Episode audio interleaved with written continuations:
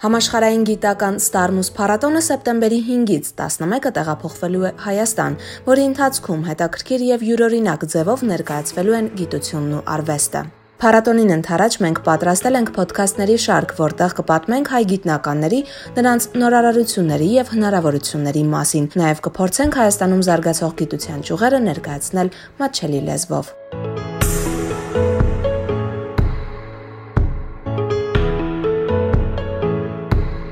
Նելի Մուրադյան աշխատում եմ Բուսաբանության ինստիտուտում որպես գիտաշխատող կենսաբանական գիտությունների տեխնացու։ Նարինե Հայրապետյան, Բուսաբանության ինստիտուտի հնյա բուսաբանության բաժնի կրտսեր գիտաշխատող եմ։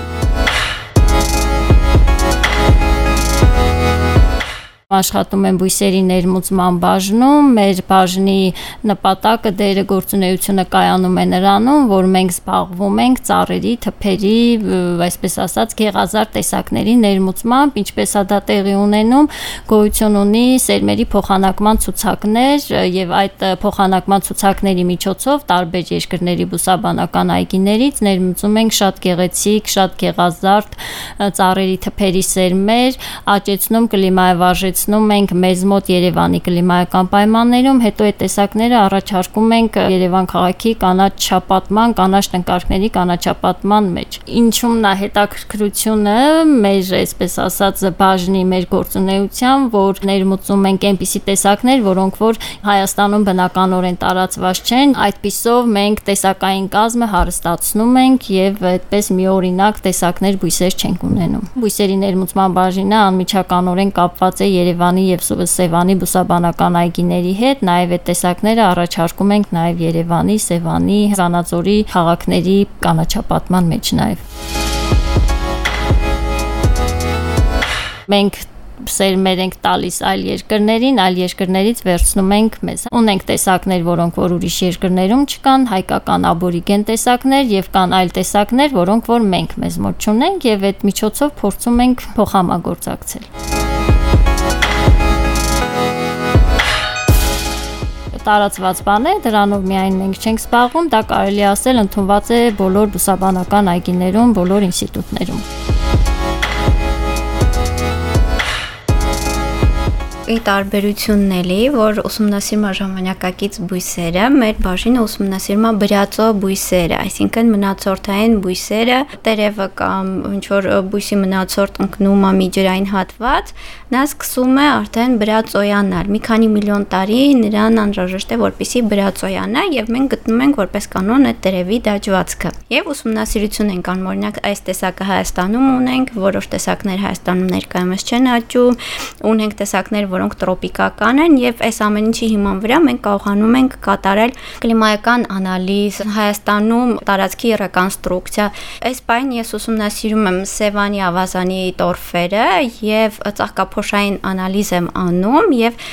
կարող եմ ասել որ մոտ 6000 տարի առաջ Սևանա լճի մակարդակը ինչ բարձրության է եղել այսինքն այդ տորֆերը իր մեջ պարունակում են բավականին շատ ինֆորմացիա որը մենք ուսումնասիրելով կարող ենք ասել ինչ բուսականություն է եղել Սևանի ավազանում լճի մակարդակը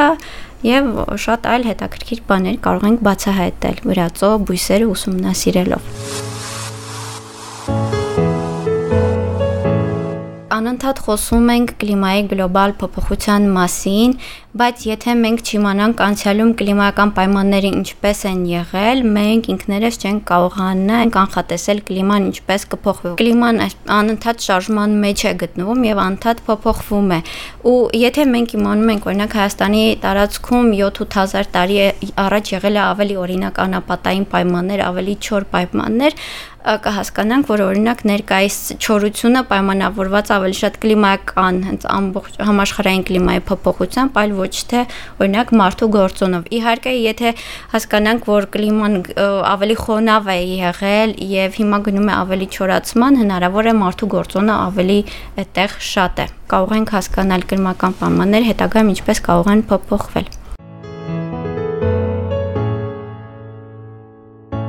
Բուսաբանության ինստիտուտը, բուսաբանական այգին շատ բան կարող է ներկայացնել։ Մենք շատ բան ունենք ներկայացնելու, բայց մենք գործ ունենք մեծամասամբ կենթանի հավաքածուների հետ, հա, այսինքն ծառեր, թփեր, ծաղկաբույսեր, արևադարձային, մերձարևադարձային բույսերի հավաքածուներ,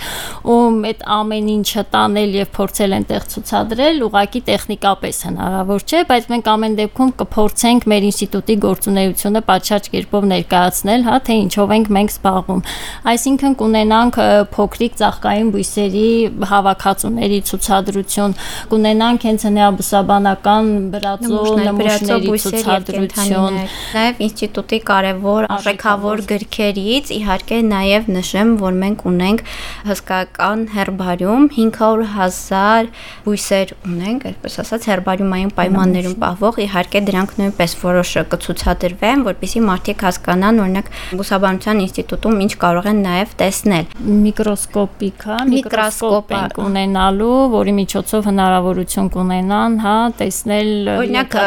ծաղկափոշին, որովհետև յուրաքանչյուր ծաղկափոշի ունի իր հետաքրքիր կառուցվածքը, հիմա շատ բավականին հետաքրքիր կստացվի այդ ամեն ինչը ցուցադրել որտեվ քչերը գիտեն դրա մասին, այդ հետազոտությունների մասին։ Ընդհանրապես քչերը գիտեն, որ իմ կարծիքով չէ, Երևանի բուսաբանական այգու ներսում գործում է հենց բուսաբանության ինստիտուտ,